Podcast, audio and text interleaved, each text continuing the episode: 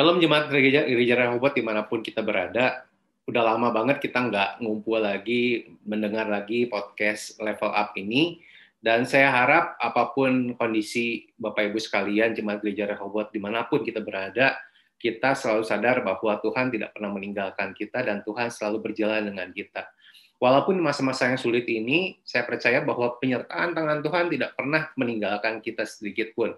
Nah, kembali lagi ke level up podcast yang tentunya akan membawa kita menuju sebuah level yang baru dalam perspektif kita dalam memandang sesuatu sesuai dengan tagline kita. Tagline kita adalah lead you to the new level of perspective. Dan pada hari ini, eh, pada malam hari ini kita akan membahas sesuatu yang tidak biasanya kita bahas Uh, malam hari ini judul podcast kita adalah History X History. Sejarah dan kisahnya. Sejarah dan kisahnya. Kenapa uh, kita mengangkat sejarah dan kisahnya? Karena saya percaya sekali bahwa kita semua berjemaat di Gereja Rehoboth, kita semua uh, sudah lama berjemaat di Gereja Rehoboth, tetapi sedikit sekali dari kita yang tahu asal usul dan sejarah gereja Rehoboth ini seperti apa. Dan pada malam hari ini ada seorang narasumber yang luar biasa. Kita semua sudah mengenal beliau. Saya biasanya dulu mas masih kecil panggil panggil beliau adalah Om Tiong Ho. Dan kita semua mengenalnya dengan nama Bapak Pendeta Stefanus Rustandi. Terima kasih Om sudah bersama dengan kita pada malam hari ini. Terima kasih udah mau jadi narasumber dari podcast ini dan sebelum kita mulai saya minta Om untuk membuka acara ini dalam doa. Silakan Om. Mari kita akan berdoa. Bapak Surgawi, Allah yang sangat baik, Allah yang kasih setianya tidak pernah berkesudahan dalam hidup kami. Hidup kami, khususnya keluarga besar Gereja Rehoboth, ada semua karena anugerah kemurahan Tuhan. Pada malam hari ini, dalam rangka ulang tahun Gereja Rehoboth yang ke-74, kami akan menceritakan sekilas sejarah Gereja Rehoboth dari awal sampai hari ini. Begitu luar biasa kasih kemurahan Tuhan menyertai Gereja Rehoboth, sehingga kami boleh menikmati, merasakan pemeliharaan, tuntunan, pembelaan, berkat-berkat Tuhan, dan Gereja Rehoboth boleh ada seperti hari ini, semua karena kemurahan Tuhan. Terima kasih Tuhan, Biarlah Tuhan akan tolong hambamu untuk menyampaikan sekilas sejarah perjalanan gereja rebut ini, sehingga Tuhan ini akan memberikan wawasan kepada kami semua, khususnya anak-anak muda gereja Rehoboth, untuk boleh belajar dari sejarah, menghargai sejarah, menghargai orang-orang yang mendahului mereka yang Tuhan sudah percayakan berada di tengah-tengah gereja Rehoboth. Biarlah Tuhan dari masa ke masa dari zaman ke zaman kami melihat Tuhan menempatkan orang-orang yang Tuhan pakai, Tuhan urapi untuk melanjutkan pelayanan pekerjaan Tuhan khususnya di Gereja Rehoboth. Terima kasih Tuhan, kami hanya mohon dalam segala perkara penyertaan Tuhan. Dalam nama Tuhan Yesus Kristus, kami berdoa dan mengucap syukur. Amin. Amin. Terima kasih Om untuk doanya. Nah, Bapak Ibu sekalian, saudara-saudara sekalian, seperti kita sudah dengar dengar sebelumnya, Gereja Rehoboth merupakan gereja sudah ada dari tanggal 27 Juli tahun 1947. Jadi bulan ini gereja kita akan berulang tahun ke 74 tahun. Sebuah perjalanan yang panjang tentunya untuk untuk usia sebuah gereja. Eh, perjalanan perjalanan yang saya pikir tidak berlangsung mulus-mulus aja, banyak rintangan, banyak badai yang dialami, banyak uh, gejolak yang dialami, banyak mungkin uh, proses yang dialami oleh gereja ini sehingga gereja ini menjadi seperti sekarang ini. Orang bilang bahwa bangsa yang besar adalah bangsa yang menghargai sejarahnya, dan saya juga akan mengambil uh, kalimat ini untuk kita semua. Kita bisa mengatakan bahwa kita ada gereja yang besar ketika kita bisa mengetahui, ketika kita bisa belajar apa yang dialami gereja kita, siapa yang sudah uh, sudah sudah terlebih dahulu melayani dengan luar biasa di gereja kita, siapa yang uh, sudah mengorbankan banyak tenaganya, pikirannya, banyak uh, mungkin sampai dananya untuk perkembangan gereja Tuhan di tempat ini. Bukan apa-apa, karena kita harus tahu bahwa bergereja merupakan sebuah proses, bergereja merupakan sebuah perjalanan. Dan anak-anak muda generasi saya saat ini, kita perlu tahu apa sih yang sudah dialami oleh gereja kita selama ini. Perjalanan apa yang telah dialami oleh orang-orang yang mendahulu kita selama ini. Dan uh, gereja gereja Rehoboth tidak berdiri secara instan.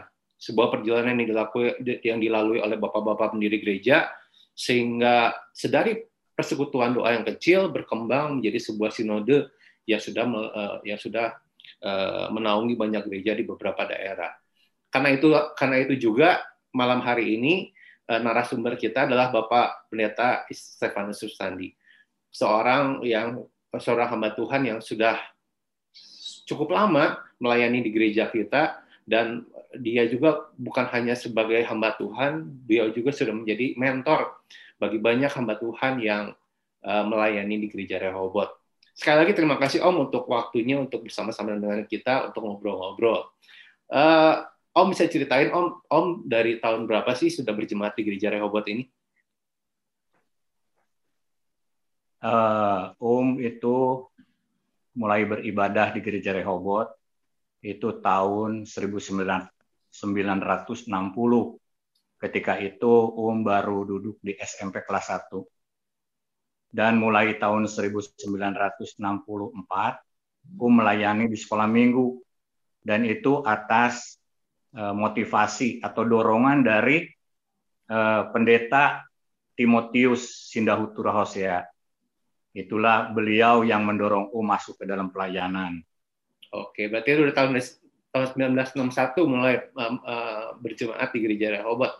Berarti Om kalau misalnya dilihat dari uh, demografis uh, jemaat gereja Rehoboth saat ini, Om salah satu yang paling senior mungkin Om, jemaat paling senior yang sudah berjemaat dan melayani di gereja Rehoboth ini. Atau mungkin ada ada orang-orang lain Om yang uh, nggak bisa saya notice sendiri yang lebih senior lagi dari Om? Sebetulnya ada yang sejak Rehoboth itu gereja Rehoboth itu berdiri itu sudah ada anak-anak sekolah minggu yang sampai hari ini masih ada. Itu seperti Bapak eh, Thomas Hosea. Jadi kakaknya dari Bapak Timotius Indatura Hosea yang sampai hari ini masih ada beribadah di kebaktian pagi. Om Susan ya? Om Susan. Terus ada lagi Om Suipo. Om Suipo itu bersekolah minggu di Gereja Rehoboth dan hari ini masih melayani di paduan suara kebaktian siang Gereja Rehoboth di Jalan Dewi Sartika. Juga Om Leongpo papihnya dari Dokter Evi. Itu adalah anak-anak sekolah minggu awal di, di, ketika gereja Rehoboth berdiri. Jadi mereka itu begitu luar biasa. Mereka itu sebagai teladan kesetiaan yang patut kita contoh. Berarti luar biasa banget ya Om dari tahun 1947 mereka masih ya. beribadah sampai saat ini di gereja Rehoboth dan ya. uh, mereka menunjukkan kesetiaan yang luar biasa dalam beribadah walaupun uh, juga dalam dalam hal melayani ya Om ya. Iya betul luar biasa mereka itu. Nah Om sebagai senior boleh dong Om cerita-cerita sedikit. Kalau di belakang saya kan di belakang saya kalau dilihat kan udah ada gambar nih tulisannya Rehoboth Kirk. Di atasnya itu sebenarnya ada tulisan Assembly of God uh, Rehoboth Kirk. Ini foto yang ini foto yang menurut saya sangat ikonik banget Sampai kita pernah bikin baju tulisannya Rehoboth Kirk. Rehoboth Kirk itu kenapa kita bikin kaos tulisan Rehoboth Kirk karena kita lihat dari foto ini. Karena kita lihat dari foto ini dan itu merupakan sebuah uh, bagi saya itu sebuah kebanggaan bagi saya, sebuah identitas bagi saya karena saya sebagai generasi muda saya tahu bahwa perjalanan gereja Rehoboth itu nggak nggak mudah. Dan Om sebagai senior boleh dong Om ceritain sama kita semua bagaimana perjalanan gereja Rehoboth ini. Pertama berawal itu dari dari seorang pemuda dari Ambon, famnya Latu Parisa itu datang ke Jawa Barat, lalu dia menjangkau beberapa jiwa dan tahun 1947 jemaat itu penggembalanya diserahkan kepada E.L. Corbett. Ya, dan persisnya itu penyerahannya tanggal 27 Juli tahun 1947 dan itulah tanggal itulah yang dijadikan hari ulang tahun atau hari berdirinya gereja Rehoboth. Kemudian El Corbett itu dulu dulu gereja Rehoboth uh, um cerita dulu ya. Dulu gereja Rehoboth itu itu berafiliasi dengan Pinkster Sending ya yang dipimpin oleh oleh Bettelman GF Bom Bettelman. Nah pada tahun 1947 akhir gereja Rehoboth keluar dari Pinkster Sending bergabung dengan uh, Assembly of God sehingga gereja Rehoboth disebutnya seperti tulisan dalam gedung itu Assembly of God Rehoboth Kerk. Kerk itu gereja dalam bahasa Belanda. Jadi ada bahasa Inggrisnya, ada bahasa Belandanya. Seperti yang tertulis di kaos, ditulis kaos itu kan Rehoboth Kerk since, since itu bahasa Inggris itu. Jadi perpaduan antara bahasa Inggris dengan dengan bahasa Belanda. Lalu dalam perjalanannya kita lihat eh, setelah menerima mandat dari Latu Parisa, E.L. Corbett, memberi nama persekutuan itu Gereja Rehoboth atau waktu itu Rehoboth Kerk. Ya.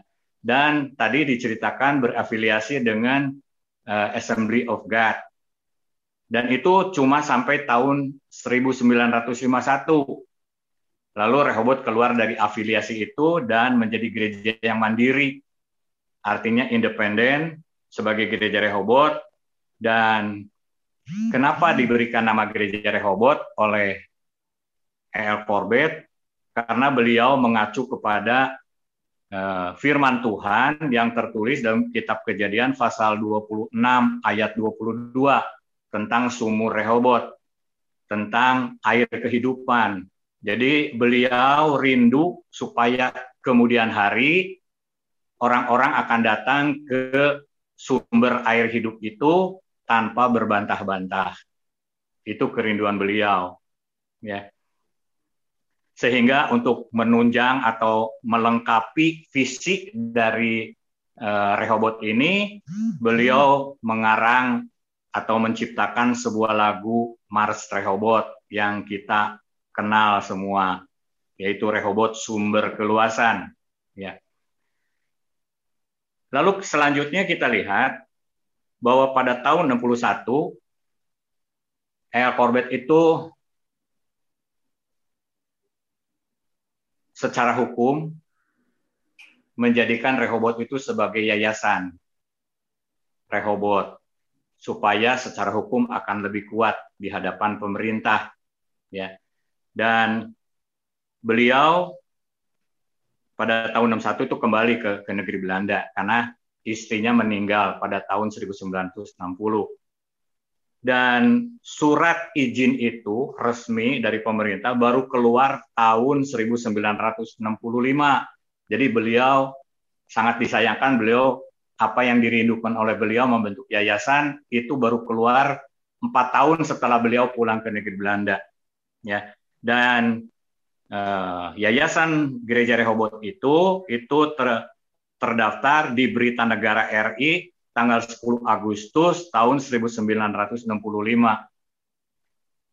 Di dalam pengurusan di dalam pengurus atau susunan pengurus Yayasan Gereja Rehoboth itu itu ada ada dewan pengurus, ada dewan penilik. Dewan pengurusnya itu ketuanya Chia Chin Hin, penulisnya itu Tan Chiao Tong. Tan Chiao Tong itu adalah opahnya dari jadi opa sepupu dari uh, saudara Stephen yang sekarang berdiri di hadapan saya, ya. Jadi Stephen ini adalah generasi ketiga dari jemaat gereja Rehoboth. Lalu bendaharanya Kwe Kian Leng atau Petrus Kiantono dan komisarisnya Kwe Kian Ho. Dan dewan peniliknya itu ketuanya adalah Che Wei atau Daniel Maijaya dan penulisnya adalah Chua Engli atau Edi Karta Raharja yang adalah uh, opak langsung dari Stefan uh, uh, Stephen ya. Lalu sebagai anggota adalah Wi Chuan Ho atau Yusak Setiawan. Itu adalah papahnya dari uh, hamba Tuhan kita uh, Joni Setiawan. Lalu kita lihat selanjutnya bahwa gereja Rehobot itu berkembang terus, jadi besar dan pada tahun persisnya 31 Desember tahun 1995 dibentuklah Sinode Gereja Rehobot. Yang ketua umumnya adalah Yohanes Runkat dan sekretaris umumnya adalah Stefanus Rustandi. Lalu pada tahun atau persisnya pada pada eh, sidang raya PGI tahun 1996 di Hotel Sahid Lipo Cikarang, Bekasi, Jawa Barat, maka resmilah Sinode Gereja Rehobot diterima sebagai anggota PGI yang ke-70. Itu sekilas tentang Sinode Gereja Rehobot. Saya percaya itu perjalanannya panjang ya Om ya. Bagi teman-teman yang nggak tahu, Bapak Ibu yang nggak tahu, dari tadi kita bilang salah satu gembala pertama kita adalah Pak E.L. Corbett. Orangnya ada di sini nih. Kalau di foto ada eh, tunjuk tunjuk saya mengarah ke beliau. Beliau itu seorang Belanda ya Om ya? Orang, Orang Belanda. Belanda, bekas tentara Kenil, dulu dinasnya di Purwokerto dan dipindah ke Cimahi. Terus sebelum Kenil itu bubar, beliau itu mendapat panggilan dari Tuhan untuk melayani Tuhan. Maka beliau minta pensiun pada saat itu dan beliau menyerahkan diri sepenuhnya untuk melayani Tuhan. Oh, berarti beliau adalah uh, officially seorang gembala sidang pertama dari gereja Rehoboth. Ya, ya. Betul. Ketika ketika beliau pindah ke Belanda, uh, apa yang terjadi dengan gereja Rehoboth? Apakah langsung beliau menunjuk langsung uh, penggantinya? Apa uh, sudah berbentuk sudah berbentuk yayasan jadi uh, yayasan uh, yayasan gereja Rehoboth memilih penggantinya sendiri. Jadi waktu beliau pulang ke negeri Belanda, jadi jadi Latu Parisa itu dari tahun 46 sampai 47 ya, 47 sampai 61 itu EL Corbett dan setelah itu ketika beliau mau pulang ke negeri Belanda, maka penggembalaan itu diserahkan kepada uh, Petrus Kiantono. Tapi waktu itu Petrus Kiantono merasa belum siap, maka penggembalaan diserahkan kepada Daniel Maijaya, seorang profesional yang berdinas di Telkom dan pemerintah mempercayakan dia sebagai kepala kantor Telkom di Dayakolot. Pak Daniel Maijaya ini sebagai gembala atau pemimpin gereja Rehoboth dari tahun 61 sampai 64. Dan tahun 64 Pak Daniel Maijaya ini dia pindah kerja ke Caltex di Rumbai Dumai, Riau. Ya. Dan penggembalaan diserahkan kepada uh, Petrus Kiantono karena Pak Daniel merasa bahwa memang yang dipercayakan dulu adalah Pak Petrus. Jadi luar biasa sebetulnya. Jadi dia tidak mempertahankan jabatan gembala itu, tapi dengan rendah hati, dengan terbuka, dia tahu bahwa sebetulnya yang dipercayakan oleh El Corbett adalah Petrus Giantono, maka pada tahun 1964 penggembalaan itu dikembalikan kepada Petrus Giantono. Dan Petrus Kiantono itu jadi gembala sidang dari tahun 1964 sampai tahun 2000 dan diserahkan kepada penggembalaan kepada Yohanes Runkat sampai hari ini sebagai gembala sidang di Gereja Rehoboth Bandung atau Gereja Rehoboth Dewi Sartika. Oke. Kalau Om tadi cerita kan Om uh, pada tanggal 31 Desember tahun 2000 satu apa dua ribu ya yang dibentuk uh, Sinode Gereja Rehoboth. Sinode Gereja Rehoboth itu pada tahun 1996. Oke, 1996. Berarti dari tahun 1947 berdiri sebuah persekutuan doa berkembang menjadi sebuah uh, uh, uh, maaf, maaf, maaf sebentar ya. Dibentuk sinode itu tahun 1995, tahun 1996 diterima sebagai anggota PGI. Oke, berarti tahun 95. Berarti tahun 47 kita dari persekutuan doa jadi sebuah gereja dan pada tahun 95 eh, jadi sebuah sinode. Berarti kan kalau kita bilang tentang sinode berkembang di satu gereja menjadi beberapa gereja. Om sebagai hmm, saksi hidup, bagaimana Om ceritain dong perkembangan bagaimana dari satu sebuah persekutuan doa jadi sebuah gereja, dari sebuah gereja menjadi beberapa gereja dan akhirnya menjadi sebuah sinode. Jadi pertama persekutuan doa itu di Jalan Kabupaten nomor 22 Bandung yang sekarang menjadi Jalan Raden Dewi Sartika nomor 36 38 Bandung. Itu berawal dari e, dipinjamkannya sebuah rumah di tempat itu. Jadi tidak seluruh rumah, tapi cuman ada satu dua ruangan yang dipinjamkan dan ada ruangan yang dipinjamkan untuk pastori. Ya. Dari situlah ter, e, beberapa kali eh, renovasi ya dari situ renovasi karena eh, persisnya lupa waktu itu gereja Rehobot itu dibeli jadi rumah itu dibeli oleh gereja Rehobot dan menjadi milik gereja Rehobot dengan status hak guna bangunan bangunan itu.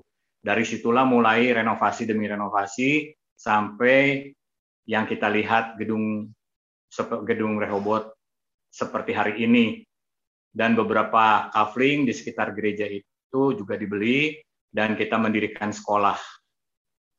Ya. Itulah ya yang kita lihat dari dari perkembangan secara fisik dari gereja Rehobot. Lalu untuk menjadi besar itu mulai tahun 60-an sekolah minggu itu di, dipimpin atau ketuanya adalah eh, Tan Chiao Tong atau David Tanubrata. Beliau punya hati untuk mengembangkan gereja Rehobot. Jadi ketika beliau menjadi ketua sekolah minggu, beliau punya prakarsa untuk mulai merintis cabang sekolah minggu. Tahun 1964 maka beliau didampingi oleh Koteksan, ya Koteksan itu Yohanes Hadi Susanto yang sekarang jadi gembala sidang gereja Bethesda di Gang Luna Jenderal Sudirman. Dan Siswipo yang tadi itu Thomas Rusianto. Jadi bertiga mereka mulai mengumpulkan anak-anak di sebuah rumah di Tresna Asih ya itu adalah rumah yang dipinjamkan milik dari uh, Yong Asin, istrinya itu uh, Yoktinio. Dan beliau-beliau ini adalah opak dari uh, Pyong Meni yang sampai hari ini berjemaat di Gereja Rehobot di Wisartika di kebaktian pagi. Itulah itu adalah jemaat pertama jemaat pertama dari Gereja Immanuel yang sampai hari ini masih setia sebagai jemaat Rehobot. Ya. Dan pada waktu itu diresmikan diresmikan Gereja Rehobot Immanuel tahun 1972 itu dimulai kebaktian umum di Tresna Asih dan gembala sidangnya adalah Rebecca atau Uiliuhua. Ya. Lalu tahun 1975 itu penggembalaan diserahkan kepada Timotius Sindatura. Tapi karena Timotius Sindatura mendapat panggilan Tuhan untuk merintis di Magelang, di Jawa Tengah, maka hanya dipegang penggembalaan itu beberapa bulan dan diserahkan kepada Yeti Tanubrata atau Tan Hyang Neo. Dari Yeti Tanubrata diserahkan kepada Stefanus Rustandi dan cuma dipegang satu tahun ya dan setelah itu diregenerasikan kepada penggembalaan diserahkan kepada Iwan Yulianto sampai hari ini. Tahun 1996, Gereja Rehoboth Immanuel didewasakan menjadi gereja otonom sebagai gereja lokal. Itu satu. Itu perjalanan gereja Immanuel.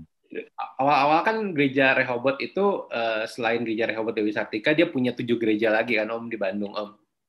Ya. Kalau kira-kira ada enam, ada enam, enam tujuh, tujuh dengan gereja Rehoboth Bandung. Oke, itu baru satu Immanuel.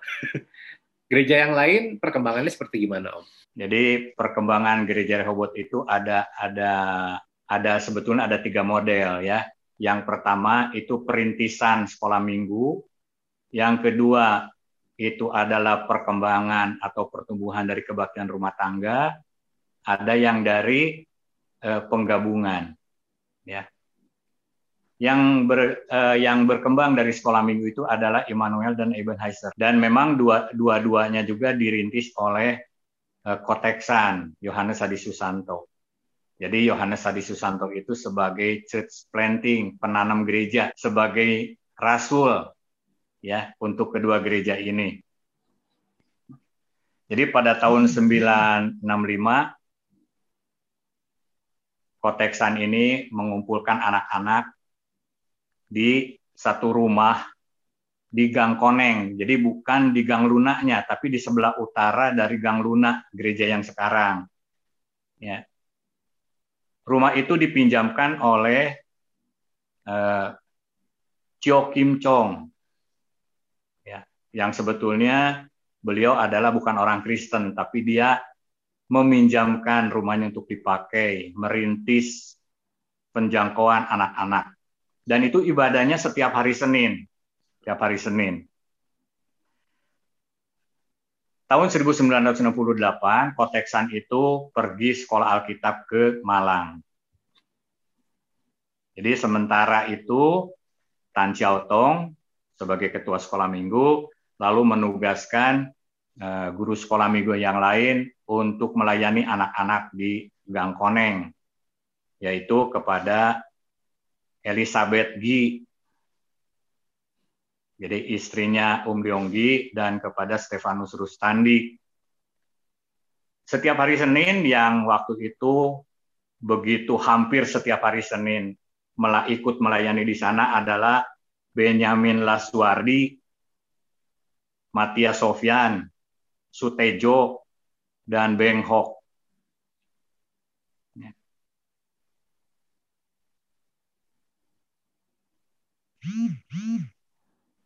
Jemaat ini terus berkembang, terus bertambah ya sampai jadi gereja Ebenezer saat ini. Dan jemaat yang sampai hari ini masih ada setia sebagai jemaat pertama adalah Yokni, seorang ibu yang sekarang sudah punya banyak cucu. Dan yang kita kenal tidak asing lagi buat kita adalah Go Keng Bin. Itu adalah jemaat pertama dari Ebenezer Gang Koneng. Ya, yang sampai hari ini beliau masih melayani dan aktif di kepengurusan sinode. Pada tahun 1969 atas prakarsa Koteksan membeli sebuah rumah di Gang Luna 4 Gang Luna 4 nomor 20 yang dipakai gereja sampai hari ini dan kebaktian pertama diadakan tahun 1970. Lalu penggembalaan itu penggembalaan tahun 1971 sampai 1975 itu Timotius Sindatura. Jadi dari dari gereja Ebenezer Timotius Sindatura ini ditugaskan ke gereja Rehoboth Immanuel cuma beberapa bulan, lalu beliau pergi ke Magelang. Tahun 1975 di Ebenhazer sampai 1977 itu digembalakan oleh Rebecca Wilihwa 1977 sampai tahun 2000 digembalakan oleh Edi Ishak Kartaraharja. Tahun 2001 sampai sekarang itu digembalakan oleh Dedi Suherman. Itu sekilas Ebenezer. Ngomong-ngomong ini ya, mungkin yang menyaksikan bingung. Ini Om Rustandi kok apal banget nih sama sejarah gereja Rehoboth. Dari tadi kayaknya punya perimbunnya. Nah, Bapak Ibu sekalian, uh, saudara-saudara sekalian juga Bapak Stefanus Sustandi ini pernah membimbing uh, skripsi ya Om ya, pernah jadi pembimbing luar uh, skripsi bagi Bapak Pendeta Redi Stefanus, Gembala Sidang Gereja Rehoboth ICF di Manila ya Om ya. Om ya, waktu itu sebagai apa Om? Ya sebagai sebagai salah satu narasumber. Oh dan dan memang waktu yang itu memberi, memberi masukan Koredi memberikan saran. Om ya. Dan uh, Redi Stefanus itu skripsinya tentang uh, sejarah gereja-gereja Pentakosta secara umum, lalu uh, sejarah gereja-gereja Pentakosta Indonesia di dalam perkembangannya dan berlanjut ke gereja Rehoboth sebagai gereja aliran Pentakosta begitu. Jadi relate banget ya Om sama apa yang kita obrolin sekarang. Ada korelasinya gitu. Jadi gitu, kalau misalnya bingung dari tadi kenapa Om Rustandi kayaknya apal banget nih sama uh, sejarah gereja Rehoboth ya karena uh, beliau sempat selain sebagai salah satu saksi sejarah dari perjalanan gereja Rehoboth, beliau juga uh, sempat membimbing skripsi dari uh, pendeta Redi Stefanus tentang sejarah perkembangan gereja-gereja Pentakosta di Indonesia secara umumnya dan gereja Rehoboth secara khususnya. Oke Om, tadi kan ngomongin uh, ada ada ada tiga tiga metode yang dipakai untuk uh, perkembangan gereja Rehoboth. Tadi kita sudah bahas dua gereja yang uh, perkembangannya melalui uh, pengadaan uh, sekolah, sekolah minggu. minggu. Sekolah minggu. Terus ada juga gereja-gereja uh, yang berkembang karena uh, perkembangan dari uh, kebaktian rumah tangga. Ya. Bisa diceritakan Om? Uh, se sebetulnya yang yang dirintis melalui sekolah minggu itu ada ada ada di tempat lain juga. Oke. Okay. Ya. Salah satu di rumahnya Um Susin di Gang Sereh, Astana Anyar. Cuma karena beliaunya pergi pelayanan sibuk ke sana ke sini, Eh, akhirnya di situ tidak tidak berkembang. Ya. Itu biasanya kalau di Eben, jadi Immanuel itu hari Minggu, Eben Hasyar itu hari Senin, di Gang Sere itu hari Rabu, dan satu lagi di Gang Simpang, oh. di rumahnya Kania Dewi, yang sekarang yang dulu sebagai anggota P3GR Gereja Rehoboth, dan sekarang melayani di Gereja Isa Almasih. Ya itu di Gang Simpang, itu hari Jumat.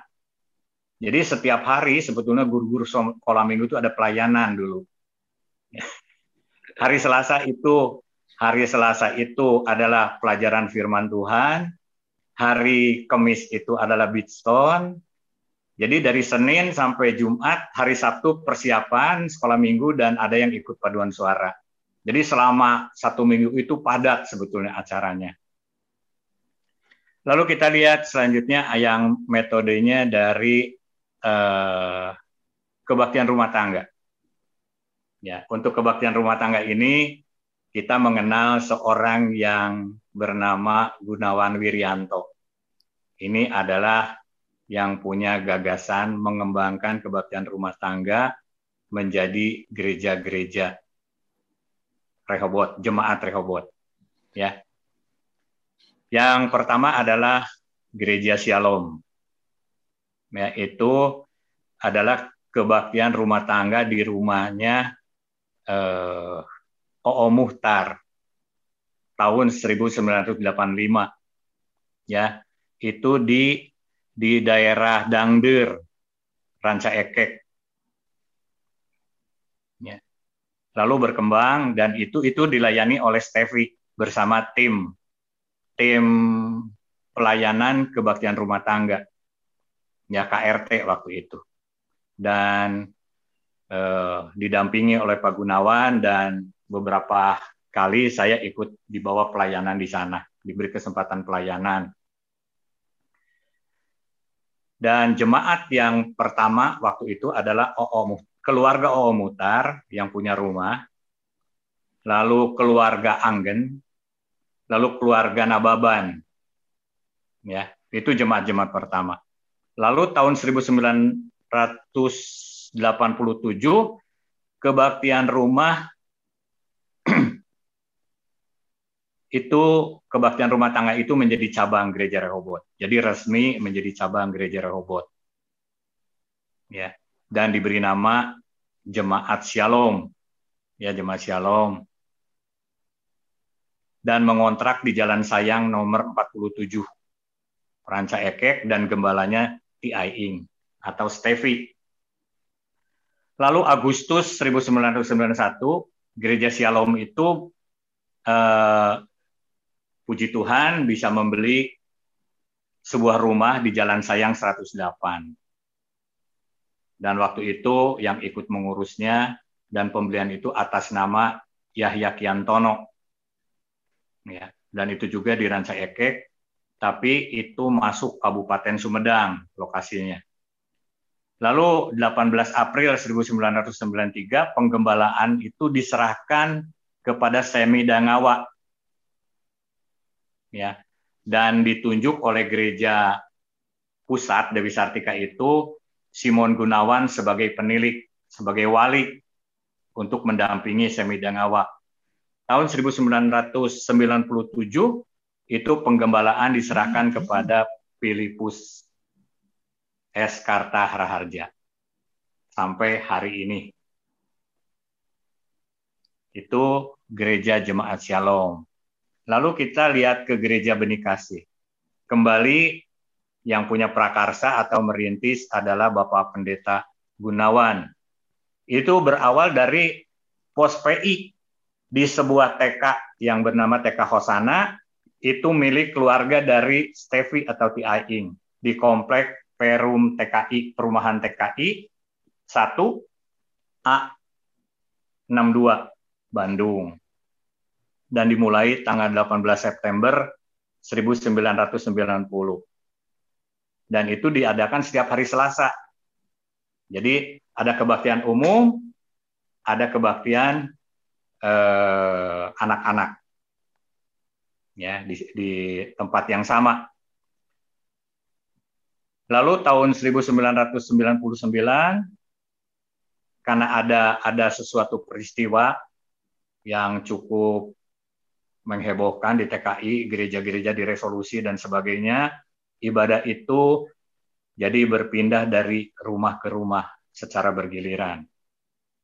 Lalu 12 Agustus 2001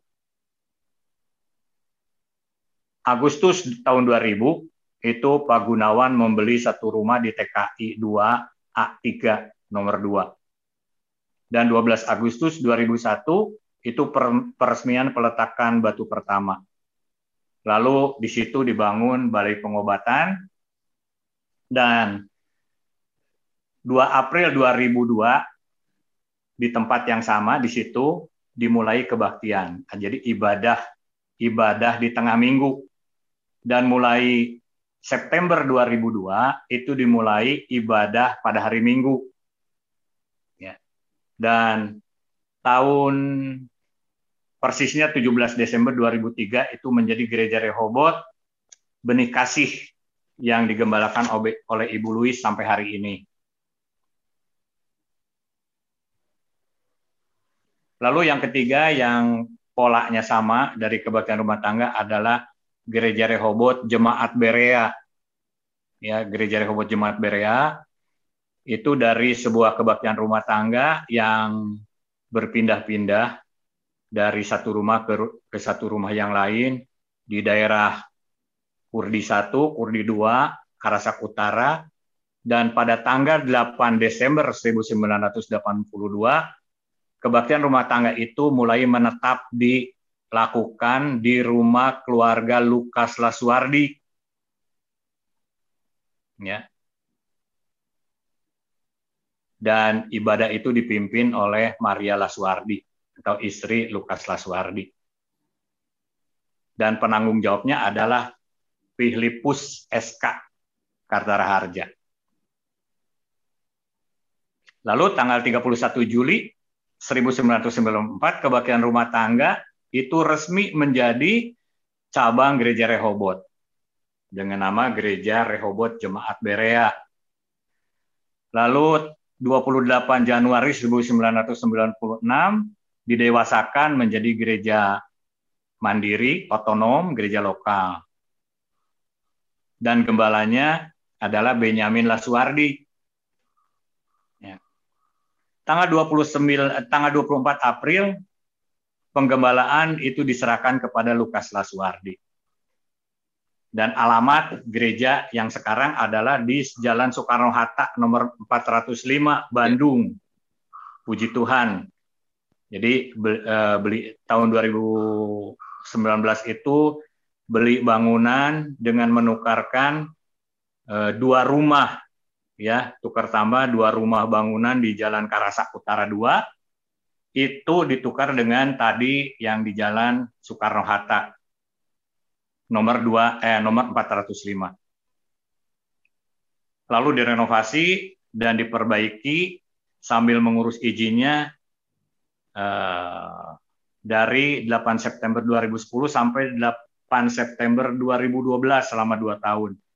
Itu untuk mendapat eh, itu adalah izin izin sementara. Jadi mendapat izin sementara untuk 2010 sampai 2012. Lalu 2011 sampai 2015 itu gereja Rehobot Jemaat Berea mengurus izin tetap untuk izin gereja dan 17 puji Tuhan 17 Desember 2015 izin itu keluar, dia mendapatkan izin gereja tetap. Ya, jadi statusnya sekarang adalah gereja Rehobot Jemaat uh, Berea dengan izin yang tetap dari pemerintah sebagai gedung gedung gereja. Berarti untuk Lalu untuk kedua ada tiga gereja, Om. Dari ya. RGR. Satu lagi berarti dari penggabungan. Dari penggabungan. Itu karena di Bojong Soang itu dari penggabungan. Ya. Karena pada waktu itu John Sumual menikah dengan Marta Rosita dan masuk bergabung dengan gereja Rehobot. Oke, itu kan berarti pertumbuh uh, penanaman gereja dan pertumbuhan gereja di Kota Bandung ya Om ya. Kalau ya, ya. tentang sinode berarti kan di, da di daerah lain juga kita punya beberapa uh, gereja lokal. Om sebagai pelaku sejarahnya mungkin bisa diceritakan bagaimana perkembangan uh, gereja-gereja Rehobot juga di tempat-tempat lain, Om.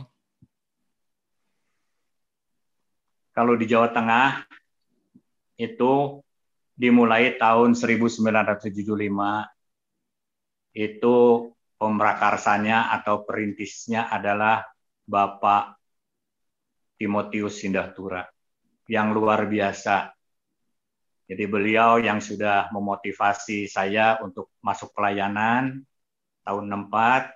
Beliau itu pergi punya kerinduan bersama istrinya Esther Lilik untuk merintis di Jawa Tengah. Jadi beliau adalah kalau kita lihat hasilnya yang luar biasa. Beliau seorang hamba Tuhan yang sederhana, yang luar biasa pelayanannya, punya hati yang luar biasa. Jadi ketika beliau pindah ke Magelang dan saya sempat berkunjung, beliau tinggal di sebuah rumah yang begitu sederhana. Bahkan kamar mandi pun ikut bersama dengan warga di sekitar. Dan itu rumah itu letaknya di gereja Rehobot Jemaat Magelang yang hari ini sudah kita lihat berdiri di situ itu ada di belakangnya satu rumah kecil yang sangat sederhana. Dalam perjalanannya yang yang begitu luar biasa, ya begitu uh, luar biasa dan gereja gereja Rehoboth Magelang ini bisa disebut sebagai cikal bakal Gereja Rehobot Jawa Tengah. Dan Bapak Sindatura Hosea bisa disebut sebagai sebagai rasul Gereja Rehobot untuk Jawa Tengah. Ya. Itu luar biasa beliau dan beliau adalah penanam gereja atau church planting untuk Jawa Tengah. Dan kita lihat hari ini kita melihat ada gereja Rehobot Jumapolo, gereja Rehobot Manore. Itu gereja Jumapolo itu berdiri 1993, 10 Mei. Lalu Manore 1992. Manore Salaman, Magelang. Lalu Yogyakarta Agustus 1997. Lalu Maron Temanggung 1997 dan sekarang eh, eh, sudah tidak ada karena waktu itu yang melayani adalah Simon Sitompul dan Delvi Sinambela pindah ke Batam dan pelayan di sana dan berkembang ya di Batam. Lalu Blondoh, lalu Mojosongo. Ya. Itu itu adalah hasil perintisan Bapak Timotius Sindatura. Lalu di bagian lain itu Jawa Tengah itu berkembang juga dari gereja Semarang. Ya, Semarang itu dirintis oleh oleh Ariel Sinsigus. Ya, Ariel Sinsigus tahun 2007 2008 ya di uh, uh, maaf 5 Februari bukan bukan 2007 2007 itu Manyaran ya. 5 Februari 1995 itu di Siwalan nomor 1 Semarang. Dipakai ibadah untuk eh, pos PI atau pos pelayanan dari eh, Ariel Sinisigus ya. Yang waktu itu gembalanya adalah Ica Herlina. Dan rumah di Siwalan satu itu adalah milik Bapak Insinyur Agung eh, Agung Suradi yang dipinjamkan kepada gereja Rehobot. Dan sebelum di Siwalan itu pos PI itu sudah sudah dirintis selama dua tahun di sebuah warung miliknya Elkana Sujadi di Jalan Gergaji 2 selama dua tahun dan jemaat itu ketika dibuka Siwalan jemaat itu ikut beribadah di, di Siwalan. Tahun 1996 lalu pindah dari Siwalan itu ke Jalan Rejosari. Itu pun rumah milik Agung Suradi. Ya, gembalanya Teddy Triadi. 2001 gembalanya Ariel Sinisigus sampai hari ini dan 2001 sampai 2003 itu mulai dirintis pos PI Purwodadi oleh Ariel Sinisigus. Dan di sana penggembalanya diserahkan kepada Suharjono, lalu kepada Erwin, dan terakhir kepada Adi, Raden Aditya, Giri Aditya, yang sampai hari ini eh, beliau ada gembala di Purwodadi. Ya. Lalu tahun 2007 sampai 2008, kurang lebih 2007-2008, itu dibukalah gereja Rehoboth Manyaran dengan membeli sebuah rumah di Manyaran. Dan puji Tuhan, hari ini gereja Manyaran sudah berkembang dengan baik dengan pertolongan Tuhan dan gembala sidangnya adalah Harim. Ya itu itu Jawa Tengah. Jadi ada yang berkembang dari Magelang, ada yang berkembang dari Semarang. Di daerah lain oh mungkin? Jadi di daerah lain eh, saya tidak tidak tidak menceritakan secara detail di daerah lainnya karena mungkin itu akan sangat panjang lebar. Jadi eh, di Jakarta itu pertama itu dirintis atau dimulai oleh yang bernama seorang Maksi namanya dan itu di Jakarta Selatan. ya daerah Pasar Minggu. Dan setelah itu diserahkan kepada penggembalaan kepada Yonatan Faraknimela dan Gereja Rehobot Jakarta itu dinamakan oleh Pak Yonatan Parakletos. Ya, Parakletos karena memang beliau dapat eh, karunia secara khusus untuk mendoakan orang-orang yang terikat dengan berbagai hal. Ya, jadi beliau begitu mengasihi Roh Kudus, maka gereja Jakarta itu dinamakan Parakletos. Ya. Dan Yonatan Faraknimela ini adalah hamba Tuhan paling senior di gereja Rehobot karena beliau lahir tahun 1940. Yeah. Jadi sekarang usianya adalah 81 tahun. Ya. Dan beliau masih sehat, puji Tuhan, masih setia melayani. Ya, lalu eh, yang tadi saya ceritakan gereja Rehobot jemaat Batam ya gereja Rehobot jemaat Batam itu adalah perpindahan Simon Sitompul dan Delvi Sinambela dari eh, Temanggung ke ke Batam. Puji Tuhan, pelayanannya di sana berkembang dengan luar biasa. Lalu Gereja Rehobot eh, Serang Banten. Itu jem, eh, gembala sidangnya itu dinamakan Gereja Rehobot Jemaat Adiasa dan gembala sidangnya Agim Irwandi. Lalu Gereja Rehobot Cikarang, Filia, yaitu gembala sidangnya Bapak Andreas Chandra dan ini dari dari penggabungan. Lalu Gereja Singkawang, ya Sebaot, Gereja Rehobot Jemaat Sebaot, itu gembala sidangnya Yopi didampingi Lydia istrinya. Ya. Lalu Gereja Rehobot Jemaat Poso, Gereja Rehobot Jemaat Lembah Pujian namanya, itu gembala sidangnya Lamon Daidi.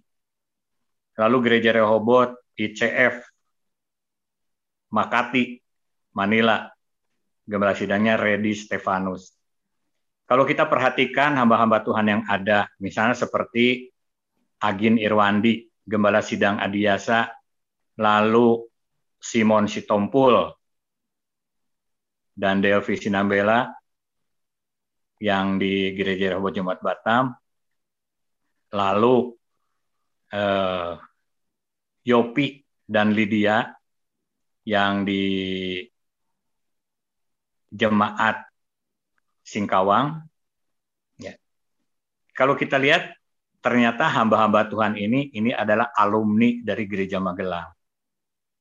Ya, jadi seperti Agin Irwandi, Simon Sitompul, Lydia Sugeng, itu adalah alumni dari Gereja Magelang, termasuk Ariel Sinisigus. Jadi luar biasa Magelang sudah melahirkan hamba-hamba Tuhan yang luar biasa. Lalu kalau kita lihat eh, di Poso itu Lamon Daidi itu adalah alumni Gereja Rehobot Jemaat Shalom dan sempat melayani di Gereja Rehobot Jemaat Bandung. Lalu Gereja Rehobot ICF Manila, gembala sidangnya Redi Stefanus itu adalah alumni Gereja Rehobot Ebenezer. Jadi saya berharap nanti gereja-gereja Rehobot jemaat yang lain juga melahirkan hamba-hamba Tuhan yang luar biasa untuk menopang pengembangan gereja Rehobot ke depan. Ya. Jadi hal yang yang penting kita harus semua uh, mengandalkan Tuhan. Ya. Kita berdoa supaya Tuhan memunculkan di tengah-tengah gereja Rehobot anak-anak muda yang luar biasa, bukan cuma melayani di gereja lokal, tetapi keluar merintis membangun gereja-gereja baru untuk pengembangan gereja Rehobot, baik itu di Indonesia maupun di luar Indonesia. Oke Om, luar biasa sekali. Kalau dari dari pertama kali kita ngobrol, pertama kali Om cerita, kita kita semua udah nangkep bahwa perjalanan gereja Rehobot itu nggak nggak instan terjadi. Banyak usaha, banyak waktu yang di curahkan, banyak tenaga yang curahkan. Sampai tadi Om sempat bilang bahwa ketika church planting melalui sekolah minggu itu orang-orang yang yang yang terlibat dalam pelayanan ini satu minggu tuh jadwalnya padat banget di gereja gitu kan. Karena hari ini harus pelayanan di mana hari ini harus pelayanan di mana harus persiapan harus ada biston. Uh, sebuah perjalanan yang luar biasa sebuah perjalanan luar biasa dan mungkin sebagian dari uh, orang-orang seumuran saya baru tahu bahwa gereja Rehoboth itu perjalanannya seperti ini apalagi generasi di bawah saya baru tahu tuh bahwa gereja Rehoboth itu perkembangannya luar biasa sekali. Luar biasa dalam artian tidak instan, tidak instan. Karena kita lihat banyak generasi sekarang kan sukanya sesuatu yang instan, om segala sesuatu segala sesuatu yang instan, yang gampang jadinya. Mereka mah makan mie juga sukanya makan mie instan gitu kan. Tapi yang namanya gereja Rehoboth, perkembangan gereja sebuah gereja itu nggak instan. Ada usahanya, ada perjuangannya, ada sesuatu yang harus dibayar untuk menjadikan uh, sebuah tempat pelayanan yang berkembang seperti saat ini. Om, sebagai penutup, Om boleh kasih uh, sedikit jangan buat generasi muda, buat generasi saya, buat generasi di bawah saya, sebagai penerus, penerus gereja yang yang pastinya kita cintai. Dalam perjalanan gereja Rehoboth, ya sepanjang sejarah gereja Rehoboth, itu banyak hamba-hamba Tuhan yang melayani di gereja, di gereja Rehoboth pindah keluar. Ada juga yang dari luar masuk pelayanan ke gereja Rehoboth.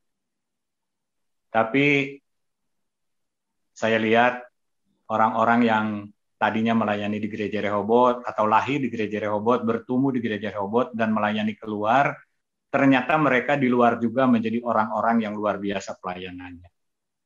Jadi Rehoboth itu banyak melahirkan Eh, tokoh-tokoh pelayanan di gereja-gereja lain. Ya, ada yang jadi gembala sidang, ada yang jadi majelis gereja, macam-macam jabatan yang penting yang dijabat oleh eh, anak-anak gereja Rehoboth yang lahir di gereja Rehoboth dan bertumbuh.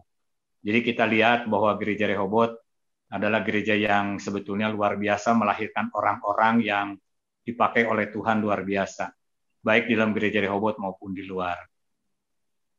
Terus untuk orang-orang yang hamba-hamba Tuhan yang masuk bergabung dengan gereja Rehoboth, mari ya kita setelah bergabung dengan gereja Rehoboth, mari harus hatinya diserahkan kepada gereja Rehoboth. Artinya harus kita bersama-sama sebagai pelayan, sebagai hamba-hamba Tuhan di gereja Rehoboth, kita sehati sepikir, kita berkeningan tangan, kita bertumbuh bersama, saling membangun untuk e, berbuah bersama di gereja Rehoboth. Karena generasi satu akan diganti dengan generasi berikut. Ya, generasi akan berganti generasi dan gereja Rehoboth ini harus tetap eksis. Bahkan gereja Rehoboth ini harus bertumbuh, berkembang menjadi suatu gereja yang besar untuk memenangkan banyak jiwa, untuk mendewasakan banyak jiwa, ya, dan untuk uh, meninggikan, mengagungkan, memuliakan nama Tuhan di muka bumi ini, baik di Indonesia maupun keluar.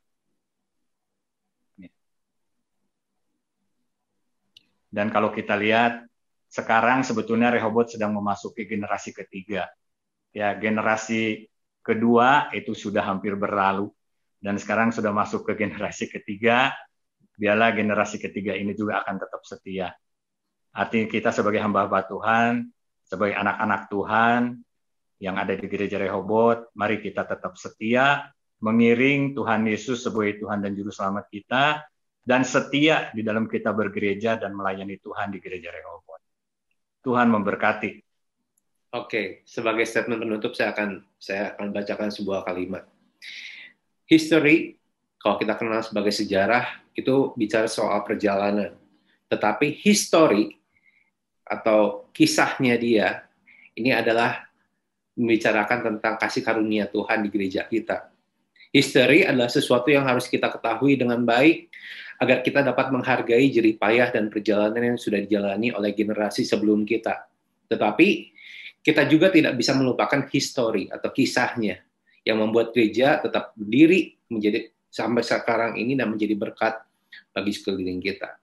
Saya percaya sekali bahwa obrolan kita pada malam hari ini bisa menjadi berkat bagi Bapak Ibu sekalian, saudara-saudara sekalian yang menyaksikan karena besar kerinduan kami bahwa ketika Bapak Ibu sekalian memutuskan untuk tertanam di gereja di, gereja kita di Rehobot, kita bisa tahu apa yang sudah gereja kita alami selama ini dan apa yang menjadi uh, kerinduan bagi dari bapak-bapak pendiri gereja kita untuk perkembangan gereja Rehobot ke depannya. Sekali lagi terima kasih Om buat waktunya untuk menjadi narasumber pada malam hari ini. Terima kasih Om jaga dijagai kesehatannya terus sama Tante Lili.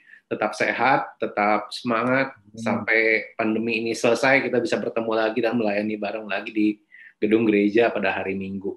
Om sebagai penutup boleh hmm. Om uh, akan doa penutup bagi kita semua. Silakan Om.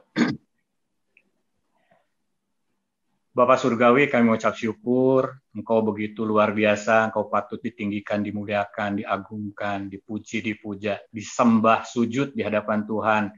Karena Tuhan begitu luar biasa, sudah menuntun, memelihara, membela, memberkati, mengembangkan gereja Rehobot sampai hari ini. Dari tidak ada apa-apa Tuhan, hanya satu orang yang Tuhan kirimkan, Latu Parisa yang punya hati, sekarang sudah menjadi Sinode Gereja Rehobot yang luar biasa dan kami imani bahwa Tuhan akan terus pakai Gereja Rehobot untuk mengembangkan pelayanan pekerjaan Tuhan, untuk memenangkan banyak jiwa, untuk mendewasakan banyak jiwa Tuhan. Dan biarlah nama Tuhan dipermuliakan, pakai semua generasi demi generasi. Dan kami menyadari hari ini adalah dimulainya generasi ketiga dari Gereja Rehobot oleh sebab itu Tuhan akan pakai, Tuhan munculkan, Tuhan urapi, Tuhan berkati, pakai semua generasi ketiga ini Tuhan untuk menjadi alat-alat kemuliaan Tuhan. Tuhan bentuk bangun menjadi bejana-bejana kemuliaan Tuhan untuk membesarkan, mengembangkan gereja Rehobot di Indonesia dan juga di luar Indonesia sehingga nama Tuhan akan ditinggikan dan banyak orang dimenangkan dan diselamatkan bagi Tuhan. Terima kasih Tuhan Yesus, terpuji namamu. Dalam nama Tuhan Yesus Kristus kami berdoa dan mengucap syukur. Amin. Sebelum berpisah, hmm. saya mau berikan informasi bagi Bapak Ibu sekalian, saudara-saudara sekalian, bagi Bapak Bapak yang belum tergabung dalam kebaktian kaum pria, kami memiliki kebaktian kaum pria yang dilakukan setiap hari Selasa melalui Zoom meeting. Bagi bapak-bapak yang rindu untuk terlibat di dalam kebaktian kaum pria, eh, bisa menghubungi saya atau menghubungi sekretariat Gereja Rehobot dan akan kami uh, sambungkan pada kontaknya yang mengkoordinir kebaktian kaum pria. Bagi ibu-ibu yang menyaksikan dan belum tergabung dalam kebaktian kaum wanita, Gereja Rehobot mengadakan kebaktian kaum wanita setiap hari Jumat jam 4 sore melalui Zoom meeting juga. Dan bagi ibu-ibu yang uh, mau bergabung, silahkan menghubungi uh, Sekretariat Gereja Rehobot dan kami akan menyambungkan ibu-ibu dengan kontak person yang mengadakan kebaktian komunitas. Dan bagi Bapak Ibu sekalian yang punya anak-anak yang mau bergabung dalam kebaktian Victory Kids, kami mengadakan kebaktian Victory Kids melalui online setiap hari Minggu jam 8. Bagi Bapak Ibu sekalian yang mau anak-anaknya bergabung di Victory Kids, Eh, Bapak Ibu juga bisa menghubungi Sekretariat Gereja Rehobot untuk uh, kami hubungkan dengan kontak person yang mengadakan kebaktian uh, Victory Kids setiap minggunya. Dan pada hari ini, tanggal 22 Juli, kita telah menyaksikan sesuatu yang luar biasa tentang sejarah Gereja Rehobot. Bulan ini, Gereja Rehobot berulang tahun ke-74.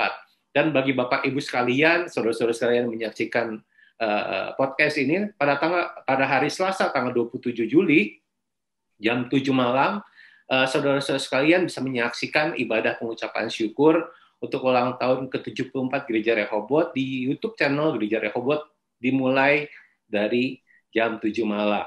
Jadi, sekali lagi, Selasa depan, tanggal 27 Juli, jam 7 malam, Bapak Ibu sekalian bisa mengikuti ibadah pengucapan syukur ulang tahun Gereja Rehobot di YouTube channel Gereja Rehobot.